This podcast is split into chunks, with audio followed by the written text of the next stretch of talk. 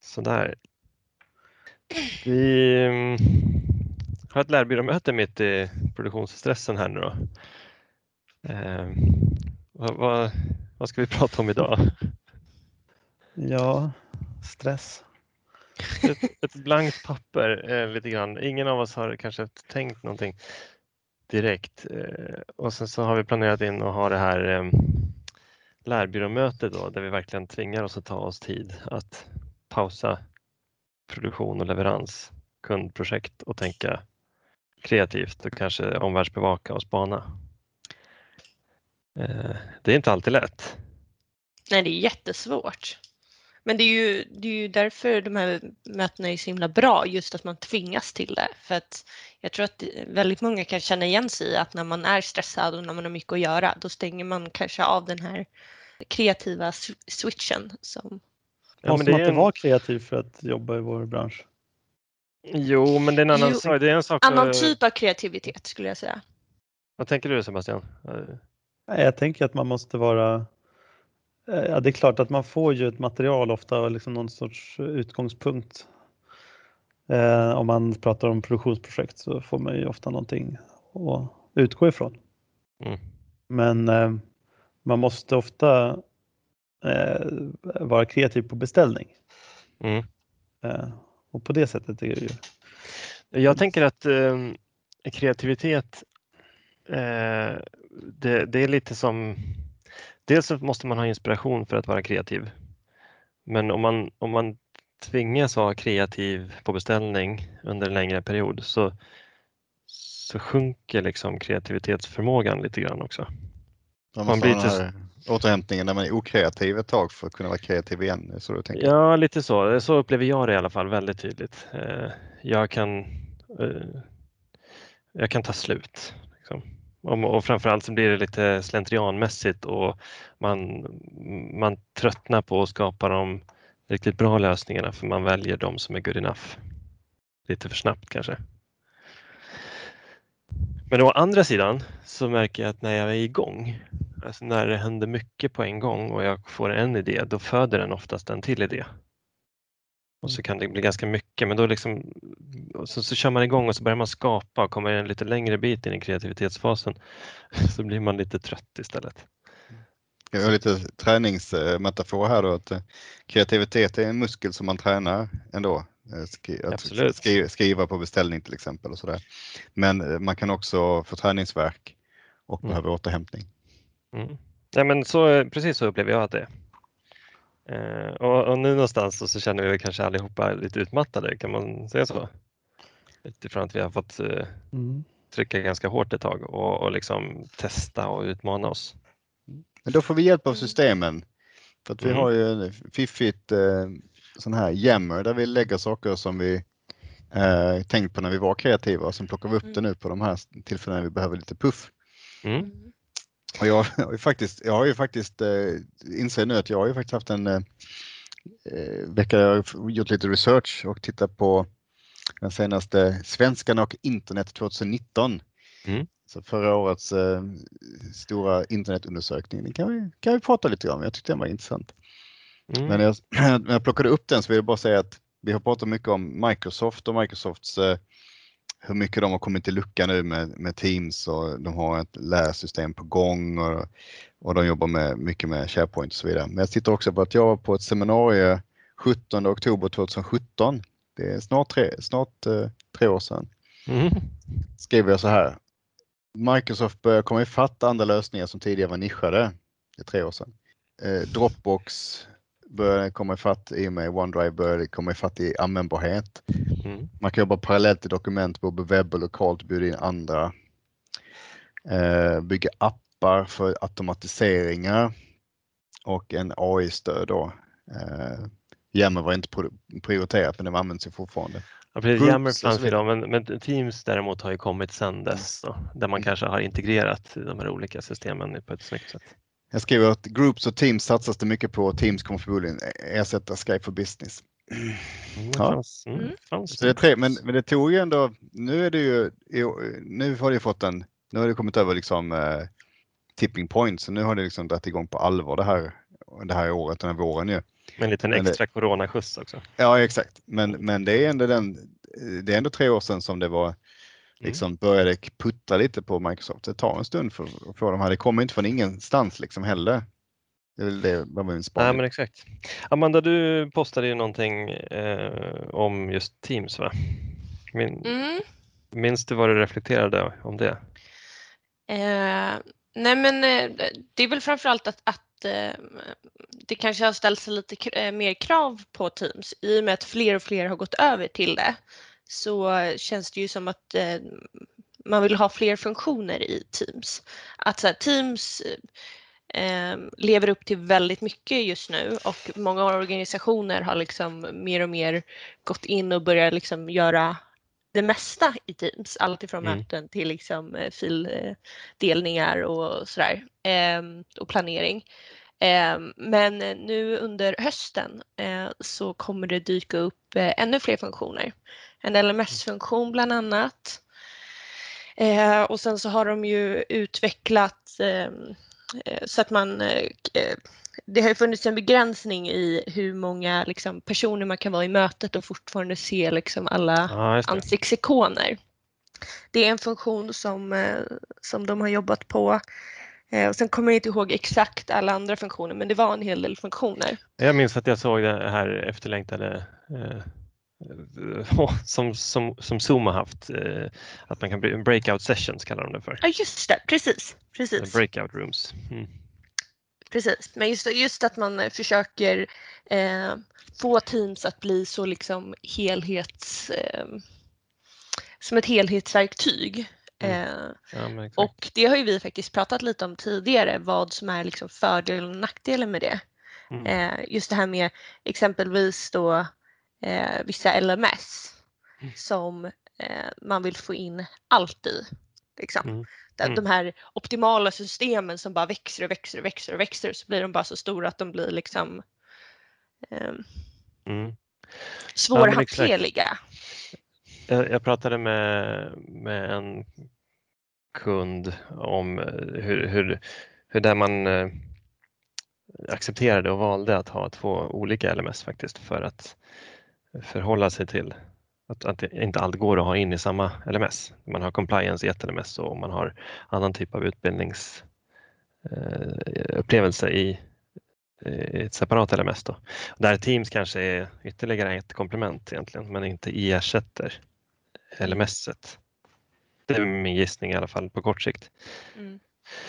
Ja, det här, apropå kreativitet då, så är ju Teams någonting som vi skulle behöva utforska på och liksom ta tid för att vara kreativa i och se hur, hur funkar det och hur skulle det kunna funka för oss internt? Hur skulle det kunna funka för liksom, personan kund A eller personan kund B eh, utifrån deras förutsättningar. Så.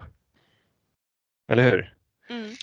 Eh, Men det kräver ju lite tid och kreativitet eh, att verkligen utforska vidden av det.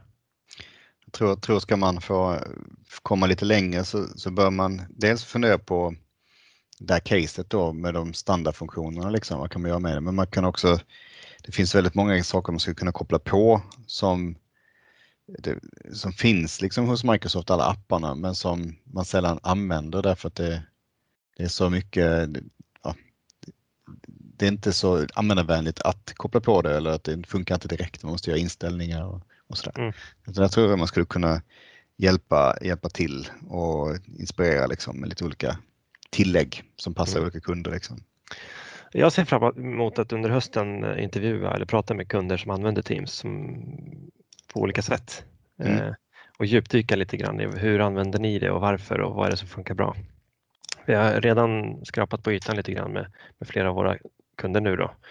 Eh, och det, ja, men jag, jag tror att vi, vi har mycket att lära och vi kan nog lära mycket om vi liksom hjälper till att dela erfarenheter där.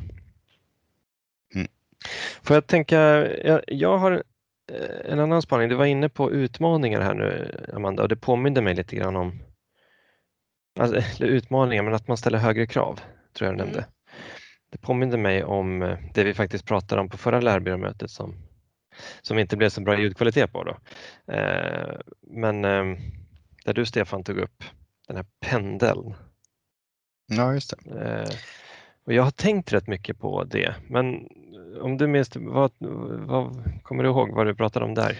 Nej, men eh, det var, det var en uh, uttalande från en kompis till mig som sa att han hade vi tvingades sitta och gå en massa e-learning-kurser nu när han var permitterad och det var så tråkigt. Och, och så började jag tänka på att nu, nu när väldigt mycket läggs om till distans så höjs kraven igen mm. på eh, både på innehållskvalitet men också kanske lite på upplevelsen då, media, medieupplevelsen. Och det brukar ju komma med jämna mellanrum, som jag som har jobbat länge i branschen, att eh, så bygger man de här interaktiva städerna, man ska gå omkring i en 3D-miljö, eller VR nu kanske man skulle kunna ta upp som en sån trend som, mm. som är hö, väldigt hög interaktionstrend. Eh, och sen så svängde det, svänger det igen och så är det bara text och bild eller bara film ett tag och sen svänger det igen. Och det, och det har att göra med lite, tror jag, det är generationsskiftningar men också teknikskiften som står bakom det här ju. Att en, när det gick från Flash till HTML5 så droppade ju liksom eh, användarupplevelsen eh, ganska mycket ett tag i början tills HTML5 kom ifatt och nu har man i stort sett byggt upp samma ramverk igen så det ser ut som Flash. Mm. Ja, och så svänger det. Så att, så att, och nu är, tror jag vi är i ett läge där, där man börjar, eftersom man får gå så mycket onlineutbildningar, att man förväntar sig att det är lite bättre kvalitet både på innehållet och användarupplevelsen och eh, ja. mediet. Det var min spaning. Ja, men, eh, precis, jag, jag minns att alltså under veckan när jag har pratat med, jag har haft några olika telefonsamtal och folk har frågat men hur går det för er nu då i höst? Och, det är typiska höstuppstarten när man fångar upp tråden igen med vissa kontakter man inte har pratat med på tre, sex månader. Så. Mm. Um, hur går det för er då? Vad, hur, har, hur har ni drabbats och så vidare? Då har jag märkt på mig själv att jag har svarat på, med, med liksom två huvudingredienser och det ena har varit att ja, men beställningarna, jobben ser lite annorlunda ut. Det är lite annan, andra kunder. Alltså vissa kunder har fått bromsa och vissa andra har fått gasa. Mm. Och framförallt har vi fått hjälpa till ganska mycket med just distansarbetet. Där digital utbildning är liksom naturlig självklarhet för oss. Det andra svaret har varit just att eh, jag upplever av någon anledning att eh, kvalitetskraven har ökat. Sen om det är för att vi har jobbat i, i, i, några projekt nu där, där det har varit lite mer krav inom de projekten. Det vet jag inte men det skulle också kunna ha med den här pendelrörelsen att göra. Att, att man faktiskt eh, har mognat lite mer och ställer högre krav. Att det inte bara räcker med nu, nu har vi faktiskt anlitat en extern produktionsbyrå och, och då kan man förvänta sig att nivån är liksom inte bara bra utan jättebra. Eh, jag vet inte, det, jag har upplevt det som utmanande för kreativiteten då återigen. Men inte bara det utan testningsprocess och allting. Jag tycker vi har alltid haft en, en väldigt hög nivå på att leverera god kvalitet och se till att granska ordentligt. Men på något sätt så ställs ännu mer krav mm. eh, nu än, än tidigare. Eh, jag tänker, Sebastian, du har jobbat mycket nu med, med, att skriva manus och försöka vara kreativ inom väldigt begränsade ramar då, i, i produktionsverktyg som RISE. Mm. Upplever du att det är som ett krav utifrån eller är det för att man själv höjer kraven vartefter man lär sig mer? Förstår du? Jag vet inte, jag tror att det handlar om vår, alltså i de fall som, som vi har varit inne i projekt där man har känt att de har, det har varit ökade krav, kanske snarare för att det har varit den typen av utbildning som är, som är lite mer extern, så där, som inte, um, alltså som inte compliance-utbildningar har vi inte hållit på med och de brukar alltid ha lite lägre, lägre krav. till exempel. Mm. Så det, det, jag vet inte om jag har upplevt det i, de, i våra projekt så, men det kanske, men det kanske är en spaning som, som att ja, så kanske det kan bli. Mm. Att, eh, det, det, det, kan jag tänka mig. Men det är ju så många saker som händer parallellt. Alltid. Alltså, det är inte mm. det ena eller det andra utan alltså, en trend eh, kommer tillsammans med ett gäng andra trender och de här lever parallellt. Och snuttifiering är fortfarande intressant för många. Mm. Eh, och eh, enkla lösningar är, är, fortfarande intressant för många samtidigt som det kommer säkert eh, ställas högre krav på kvalitet i många. Kvalitet och upplevelse, helhetsupplevelse liksom. tänker jag då. Ja, upplevelse. Eh, men, eh, men det är också så där det kanske är så att vi inte har hunnit känna de, de beställningarna riktigt än heller. För att om det är så att det är en konsekvens av corona så skulle det vara så kanske det skulle dröja lite innan de investeringarna liksom kickar in och liksom hamnar i produktion. Mm. Eh, det kanske är något vi ser fram emot i, under året. Mm. Jag tänker det, det, är så många olika typer av leveranser som vi har gjort under de senaste veckorna. Um, och där menar, en riktigt gedigen eh, serie RISE-kurser är en leverans men, men innehåll på en SharePoint-sida där, där kunden själv egentligen har tänkt att man ska ha ganska många producenter internt. Men där man märker att okej, okay, jag skriver en artikel är en sak men jag vill höja innehållet och då, då räcker jag inte riktigt till. Man förväntar sig, man kräver lite mer och så vänder man sig till eh, till oss till exempel för att skapa grafik eller för att skapa mer, eh, mer innehåll. Um, en bättre upplevelse, en helhet. Då. Och där Ja, men det är inte helt lätt helt enkelt. Det är en sak att bara snygga till någonting, men det är en annan sak att baka om det så att det blir ett pedagogiskt innehåll. Ja, det är alltid svårt. Man får ett, eh, om man får ett, eh, ett manus man, eh, eller ett powerpoint-dokument som de vill, men kan du göra någonting med det här? Men manus mm. är bra, säger de. Mm. Då ska vi ändra, um, vi kommer behöva ändra i detaljer allra minst, liksom. men, men man märker ofta att man kanske inte håller med om att det där manuset är färdigt riktigt, utan då skulle man kanske vilja eh, baka vidare och, och strukturera om lite grann och ändra mer. Och det där är alltid liksom, en balansgång där, hur mycket man vågar ändra i manus, färdiga manus. Mm, precis.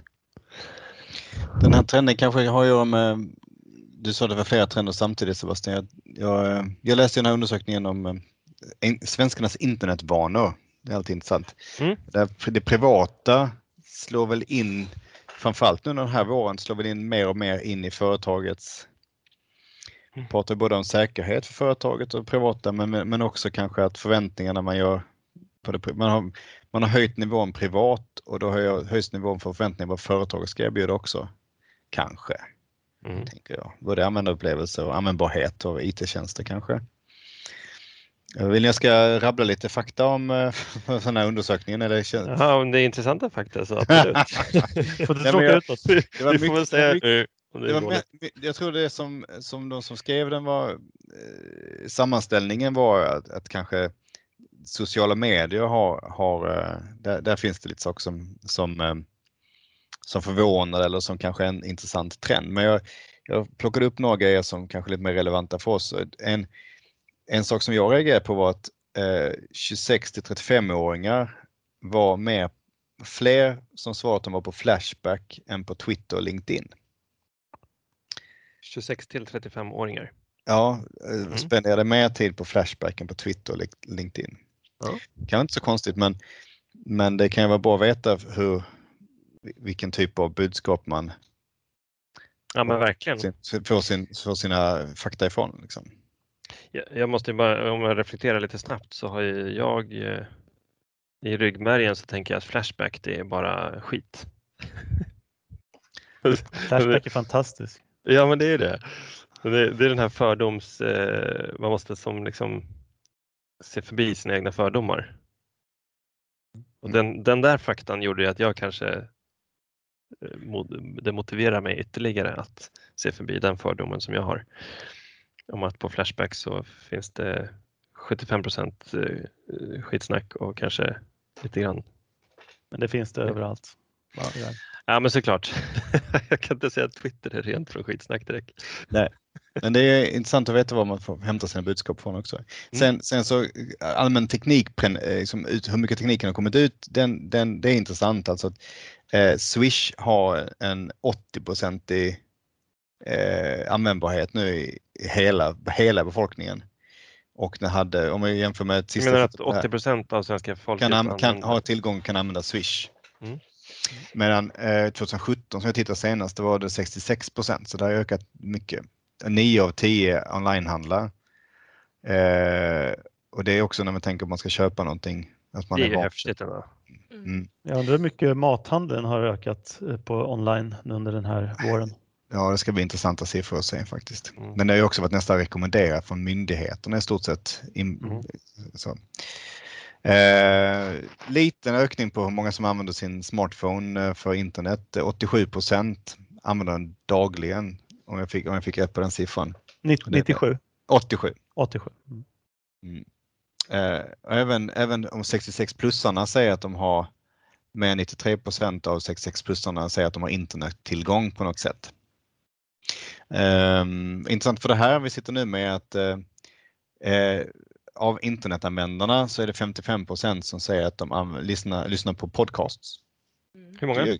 55 procent, mer än 55. hälften lyssnar på, på podcast. 55 procent av vilka då? Av internetanvändarna, av de som använder internet. Okej. Och det var ju ganska många som vi sa. Det var ju 87 procent. 95 procent av befolkningen och sen då 55 procent av dem lyssnar på podcast. Mm. Eh, och eh, när vi snackar identifiering och sånt här när man ska koppla sig på tjänster och sånt där i, i edtech så eh, säger 84 procent att de, vi snackade väl det var 87 som hade, nej 80 procent som hade Swish men det är lite fler som har eh, lite färre som har mobilt bank-id och det förstår, jag, det, det förstår inte jag den siffran riktigt men för man måste väl ha mobilt bank-id för att använda Swish men eh, Jaha. kanske har Swish, men man kanske inte använder den. Ja. Jag tror Nej, ni har förlåt. haft den och så tror man att man... Nej, nej, jag läste siffrorna fel. Förlåt, det var 80 som hade, 80 hade Swish, 84 av mobilt bank-id. Så Ja, det stämmer. okej. Det stämmer. Ja, det- Eh, så, eh, men det är en otrolig, eh, alltså jag tycker det här kan vara intressant för när man tänker att man ska lägga till tjänster för privatpersoner, edtech-tjänster, att, att det är så pass många så att man nästan kan räkna med att alla kan identifiera sig med mobilt bank-id, i stort sett alla. Mm. Ja, och de som inte kan det måste man kanske hjälpa över tröskeln då i det Ja. sammanhanget. Men det är ingen stor grupp man missar. Ja, vi pra- apropå det där hjälp vi fick göra för ett par år sedan om liksom att lyfta digitala medvetenheten. Då kommer jag ihåg att Mm. det var en grej liksom att vi ska lära alla våra anställda att använda BankID och jag tyckte det känns väldigt antikt redan då. Men, Mm. men eh, Fast hos den kunden så var det en, en stor Ja, andel det är för bedrövligt. alltså. Jag, jag, har, jag har inte jämfört där ute. siffrorna där Sebastian, men det Ja. kanske, det kanske var 50-60 procent då, tre år sedan, tre, fyra år sedan, och 80 nu. Så det har ju hänt rätt mycket. Man, det är väl också det att på gott och ont så, så tvingar vi ju nästan i Sverige över folk in i en ny tjänst att man, man Ja. nästan alla, man kan inte köpa en biljett utan BankID, man kan inte Ja. logga in på eh, net, eh, Netflix kanske man kan, men de flesta tjänsterna, kundtjänsterna på Telia eller sådär, de kräver ju BankID för att komma in i stort Inte typ brukar- Skatteverket också det när man ska skicka in deklarationer och sånt där. Visst, och vab-ansökningar. Jag måste, ibland så betalar jag kontant bara på Pinchiv för att jag, Bara för Ja, att vara riktigt jobbig. Varför är jag inte förvånad Sebastian? Men alltså de här privata grejerna.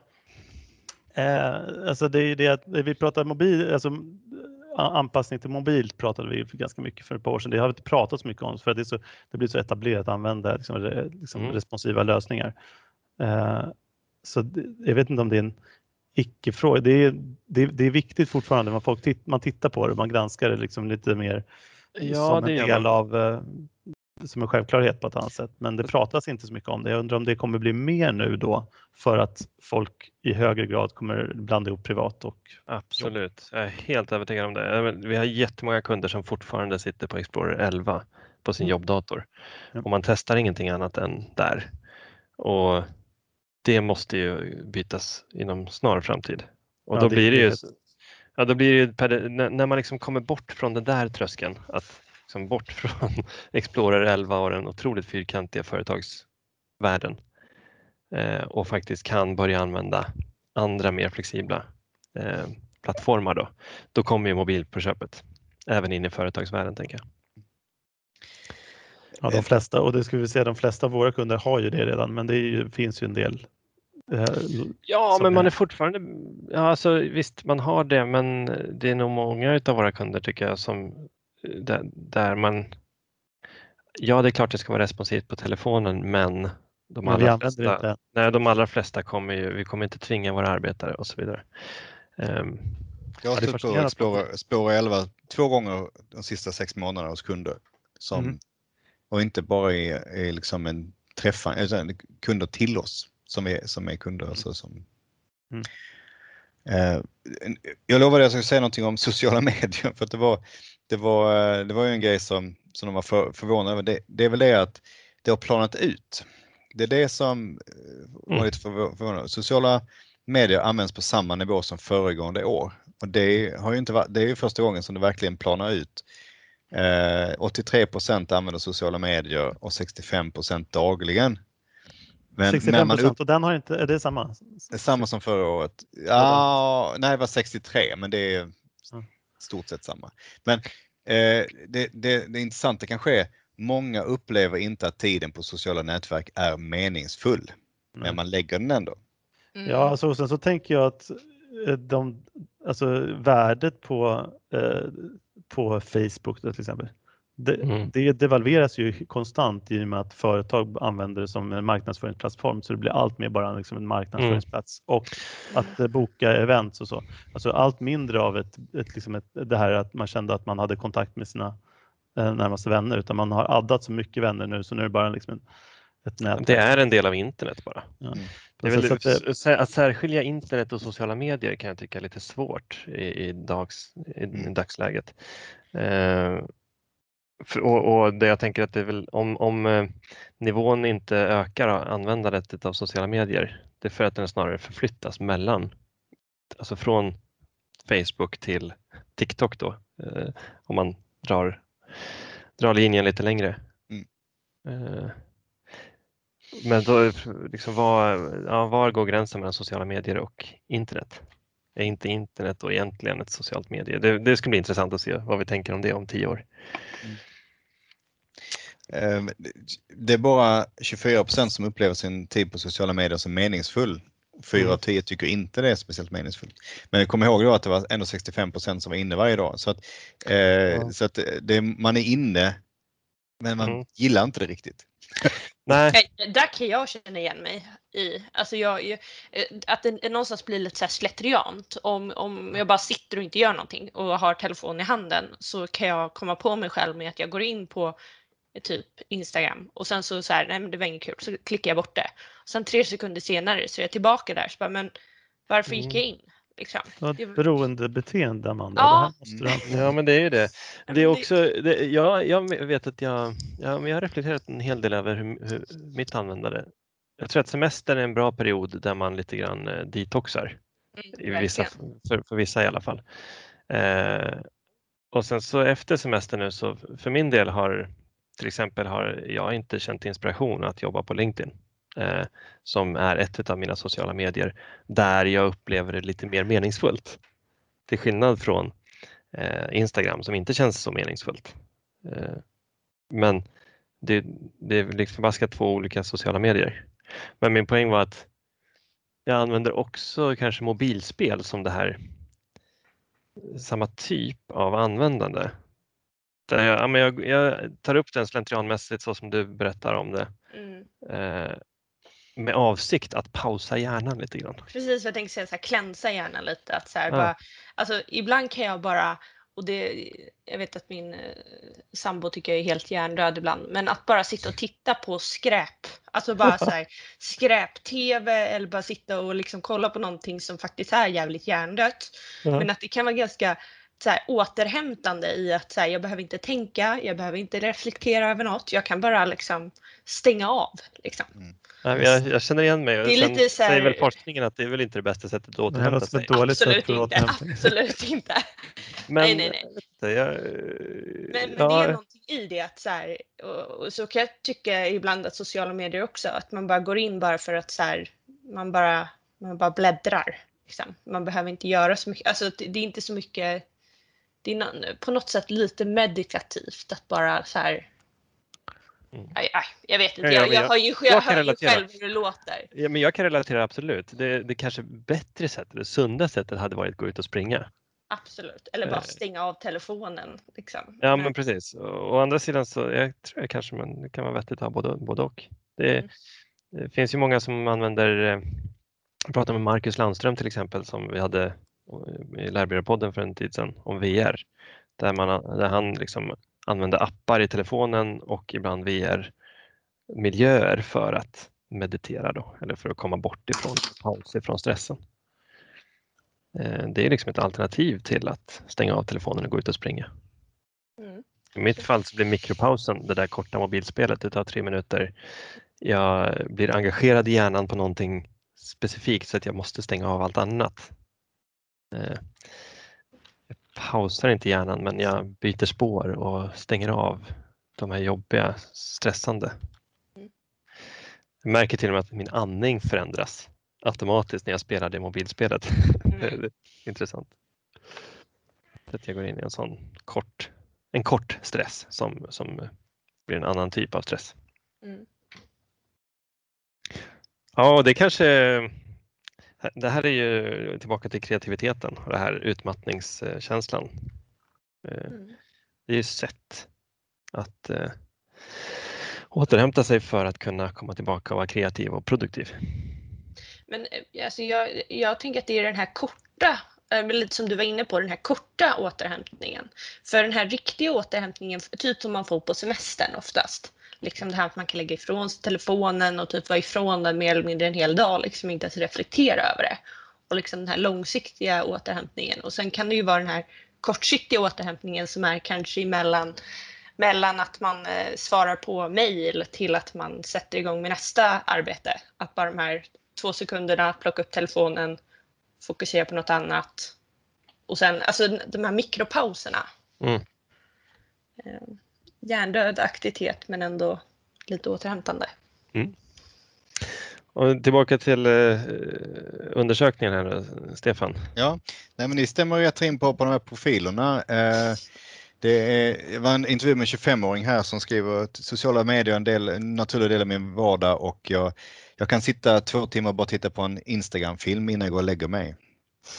eh, och eh, sen, sen då kommer du Joel, det var eh, det vanligaste att unga män spelar spel, mobilspel. Det är det vanligaste tydligen. Jag är glad att jag klassas som ung man. Så Ja, men jag tänkte bara för, det passar bra för narrativet idag liksom för den här. Så vi är väldigt stereotypiska med andra Nej, ord. men jag tror att folk, jag tror bara att om frågar man tillräckligt många så får man en ganska bra bild av det här. Liksom. Spel online domineras av yngre män. Nöjesspel 60% spel om pengar 8 Titta på nätet på andra som spelar spel 19 I huvudsak aktivitet som unga män ägnar sig åt. Mm. Sen har vi då äldre kvinnor är också mer aktiva i nöjesspelandet. 19 procent, sa du det? Titta på Ja. andra som spelar online. Ja, Det är häftigt ändå. Det är Men det måste vara e-sports. många, eller vad Av var- yngre män. Yngre. Ja, Det är- eller yngre. är Ja. Undrar om yngre män är liksom från eh, åttaåringar då också? Eller? Jag, har- jag har ju börjat titta på andra som lyssnar på musik. Det tycker jag är jättemycket.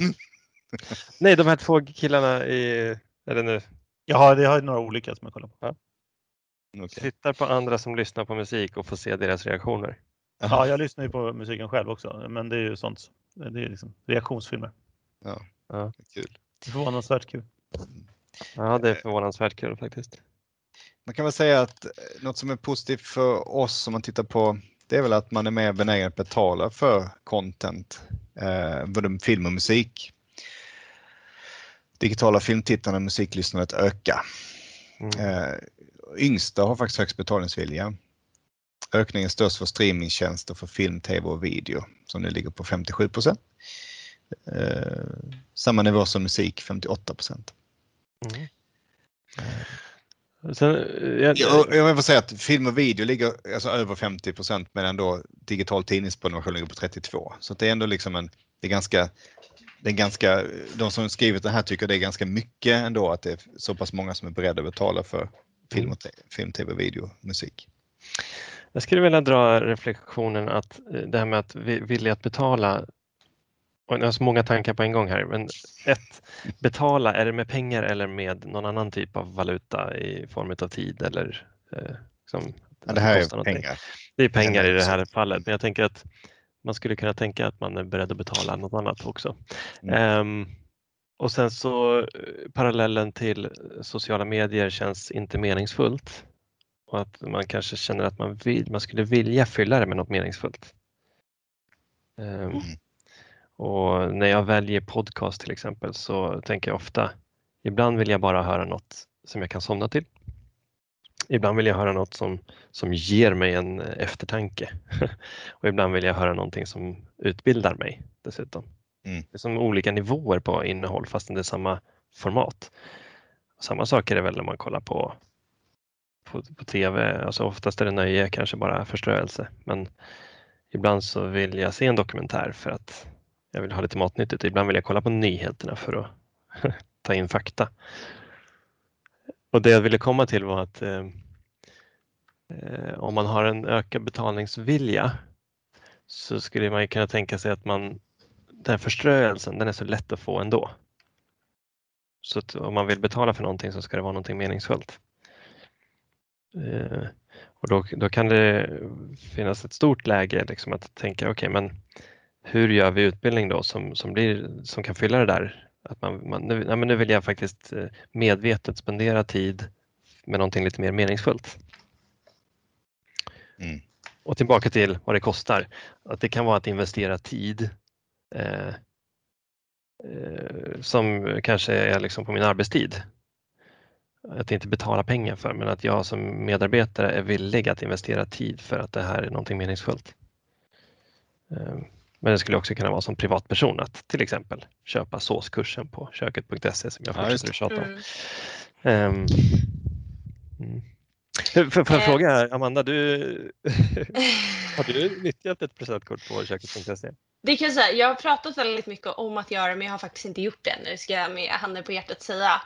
Det Ehm, men eh, dock väldigt taggad på det. Men nu när vi var inne på det här eh, så kom jag faktiskt att tänka på en grej. Känner ni till Masterclass? Mm. Ja. Ja. Ja. För, för där är ju en, en sån grej. Det är ju en prenumerations... eh, Liksom, att man betalar för att få ordentlig liksom, eh, kunskap på något sätt.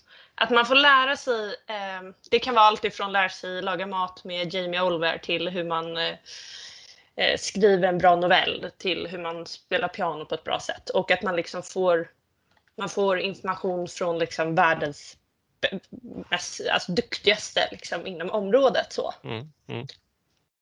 Är inte det liksom lite spot on det du precis pratade om? Att så här, man är villig att faktiskt betala för, alltså både ge tid och pengar för att få en viss kunskap. Mm. Och någonstans också att man då sätter lite krav på att så här, ja, men jag vill inte lära mig laga mat av vem som helst. Eller jag vill inte lära mig utan jag vill lära mig av den absolut bästa. Att så här, ska jag lära mig så ska jag lära mig ordentligt. Då vill jag ha liksom, det absolut bästa som finns. Liksom. Mm. Typ. Ja, men det är en jättebra spaning. Masterclass är ett väldigt bra exempel på, på det här där det inte bara är då köket.se som är begränsat till Mm. matlagning utan det, det finns så mycket, mycket mer. Eh, jag måste säga att det var länge sedan jag kollade in Masterclass eh, och det, det, det kanske är dags igen för att få inspiration. Jag, är faktiskt, eh, jag, har, varit väldigt sugen den här sommaren på att testa det just bara för att se ur ett så kvalitetssyfte hur produktionerna ser ut. För att det, det verkar ju väldigt påkostat. Liksom. Mm. Eh, men liksom det kontra det vi håller på med, liksom, vart, var någonstans är skillnaden så? Ja, men I både produktions, produktionssätt och eh, ja, men allt, he, liksom helhetsgrej. För att det ser ju väldigt bra ut. Sen är ju frågan om det är det. Liksom, jag har inte testat det. Men, eh, mm. Masterclass har ju den här eh, stora fördelen att det nästan alltid är kändisar som Exakt. drar Mm. in liksom. Mm. Det är väl så att eh, det kanske det, det, det ökar betalningsviljan. Man tror att det är, man får en, naturligt känner man att om Al Pacino berättar hur man ska vara skådespelare så är det mer trovärdiga än, än, än min teaterlärare nere på hörnan. Liksom.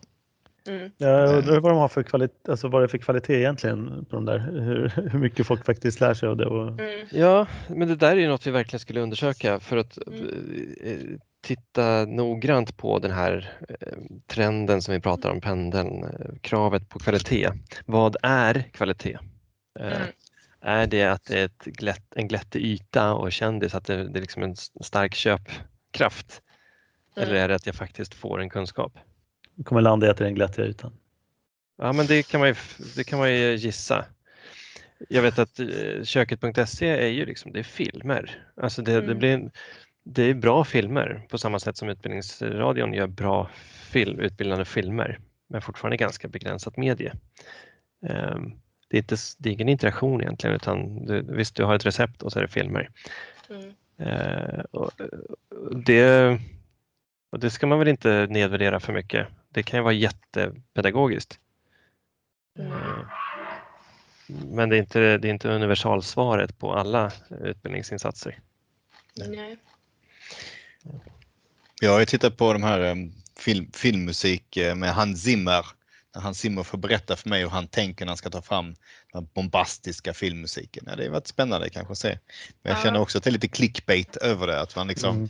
Ja, men jag har sett de där eh, trailers. hur bra kan det vara liksom? Hur mycket kan Hans Zimmer, hur långt kan han komma och berätta om varför han lägger olika ackord för olika typer av filmer och sådär liksom på en sån. Men Mm. jag kanske borde vara lite öppnare och eh, hoppa rakt in. Det är det du... Nej, men du, man skulle kunna ta det som en, en uppgift för oss att, att hoppa in och tänka liksom utifrån några perspektiv. Då. Mm. Eh, vad är det som gör det eh, engagerande? Alltså varför vill jag göra det? Man skulle kunna se användarupplevelsen. Vad är det som eh, gör interaktionen så att det funkar, så att det känns lätt, alltså som sänker trösklarna. Och så skulle man kunna titta på det pedagogiska värdet. Eh, vad, vad, förutom att det är intressant, vad lär jag mig? Eh, vad, vad, vad uppnådde jag för lärmål? Så. Mm. För det är ju verkligen, och det, vi kanske har fokuserat rätt mycket på lärmålen, men de andra aspekterna har nog historiskt sett hanterats lite styvmoderligt. Där man eh, har tvingats ha, acceptera att det är trösklar. Ja, men systemen är krångliga, det, du, måste, du måste ha en piska för att gå in här. Och så vidare. Och Mm. Där, där ställer vi ju högre krav nu utifrån att vi blandar det privata och arbetslivet lite mer. Så att, eh, har man gått kursen med Hans Zimmer privat, Hans Zimmer, ja. Då förväntar man sig en annan nivå när man ska gå ledarskapsutbildningen eh, på företag X. Mm. Eh, Så att, ja, spaningen, det upp, uppdraget till oss är väl att eh, gå hela vägen i spaningen på externa Mm. liksom, utbildningsplattformar. Det är Det är dags. 14 dagar free trial så det kanske bara ja, det är bara ta oss tiden.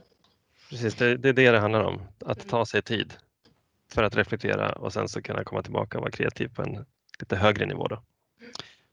Vi ska ju på retreat nästa vecka. Eh, Ja. Så att eh, det är väl ett ypperligt tillfälle att, eh, Att sätta oss med eh, varsin. ja, att, att inte stänga av mobilerna eller sätta på mobilerna men bara på det som man ska göra kanske. Jag tänkte faktiskt att vi ska lära oss att, ehm, att ehm, stressa ner på ett bättre, bra sätt. Oh, Ja. Utan. Zimmer alltså. Utan att, Fridyka. jag får återkomma. till. Jag tror ni kan gissa. Ja. Ja. Bastu och Men, eh, men- Det, det hade faktiskt varit ganska intressant att testa och gemensamt kolla igenom kanske en eller två av de här och sitta och göra liksom Ja, workshoppa en det. tillsammans. Mm. Det tror jag hade varit värdefullt. Att, men det, det handlar ju om att prioritera tid för det. Absolut. Så det, det kan vi verkligen se om vi kan eh, frigöra tid i, i höst, alltså planera in Mm. eh, utvecklingstid för oss allihopa. Eh, För jag, tror, jag tror absolut att det kan vara värdefull investerad tid ändå. Om man gör det, liksom det här, man gör det lite eh, strategiskt och systematiskt. Så. Ja, det är om svenskarna och internet och eh, pend, pendeln som svänger med användarupplevelse, medieintensitet och innehållet i mitten så att säga. Och stress, utmattning och kreativitet. Som som ett lim som binder ihop allt det där. Nej, det var mycket. Mm, tack för Ja, ett, eh, Jag tänkte vi kan väl, kan vi säga något om eh, samtalen under hösten? Det här är ju liksom lite terminstart och vi, har vi någonting planerat under hösten här eller? Kan vi Ja, någonting? vi har eh, ett antal ehm, intervjuer eller gäster som vi har tänkt att, ta in i våra lärbyråpoddar. Och några namn är väl klara, men vi har inte satt datum riktigt. Men jag vet att eh, Felix Englund på Warpin Media ska jag prata med senare idag för att planera in en tid. Eh, Marie Karlsson på Start, kommunikationsbyrån, ska vi prata med. Vi har också bokat in att få prata med några ur teamet på ICA. Eh, och sen vilka det blir har vi inte riktigt spesat ännu, men eh, alltså learning-teamet då är det Hanna Schultz och Genita Nilsson bland annat. Mm. Det är de jag vet att vi har pratat med. Sen, eh, ja det, Sen det, är de, det är de vi, Mm. som, som vi Mm, bara ska sätta datum. Det ska bli spännande. Ja, verkligen. Får se om vi, jag tänker till exempel den här frågan vi pratade om idag med Teams. Det är något vi definitivt ska eh, intervjua eh, och, och höra lite mer från ICA. Hur de Mm. jobbar. Det är ett av temana där. Bra. Ja, grymt. Nu har Eh, jag bästa fredag som det går. Eh, och har ni en dålig fredag så, så ring mig. Så Ja, du brukar alltid kunna vända sådana grejer. Det är jag, kan, jag kan berätta någonting. Som en trygg hamn Ja. i ett stormigt Göteborg. Ja, ha, det, ha det så bra hörni, så vi hörs. Ciao. Hej.